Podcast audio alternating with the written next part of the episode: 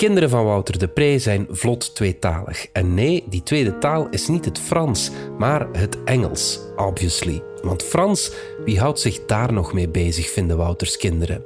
Frans is nodeloos ingewikkeld en zolang die Fransen zo moeilijk blijven doen, moeten ze niet verwachten dat buitenlanders aan hun zever meedoen.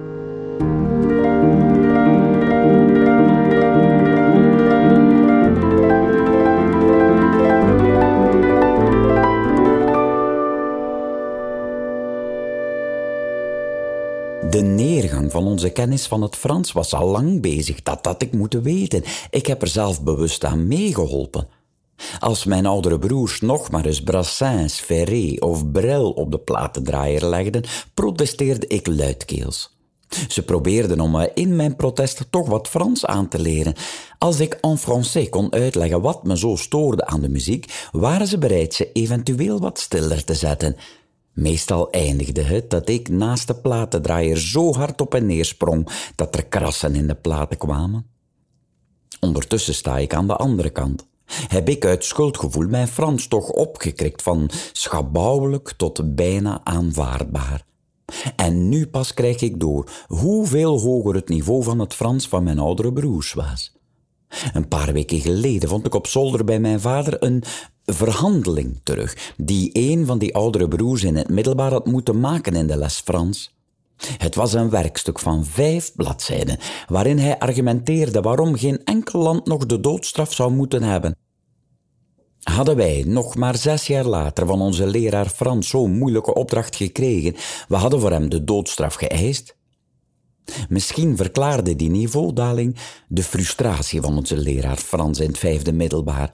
Hij liet ons ooit een tekst lezen over Normandische bouwstijlen en metselmethodes en voegde er nog een paar bladzijden houtbewerkingsgerei, nagelsoorten en voegstijlen aan toe, uit het hoofd te leren voor de toets. Voerde de man een jarenlang steenezelachtig protest tegen de invoering van het vernieuwd secundair onderwijs. Bien possible, denk ik nu. En bij mijn kinderen is het protest tegen het Frans nog stukken groter dan het bij mij was.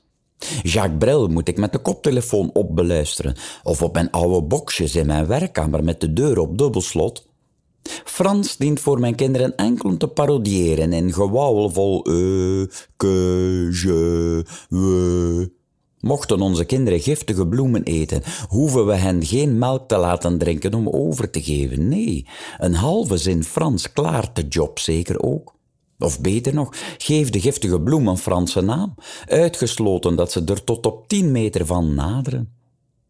Mijn vrouw en ik hoopten bij onze kinderen interesse voor het Frans op te wekken met een tripje met vrienden naar het platteland rond Laon.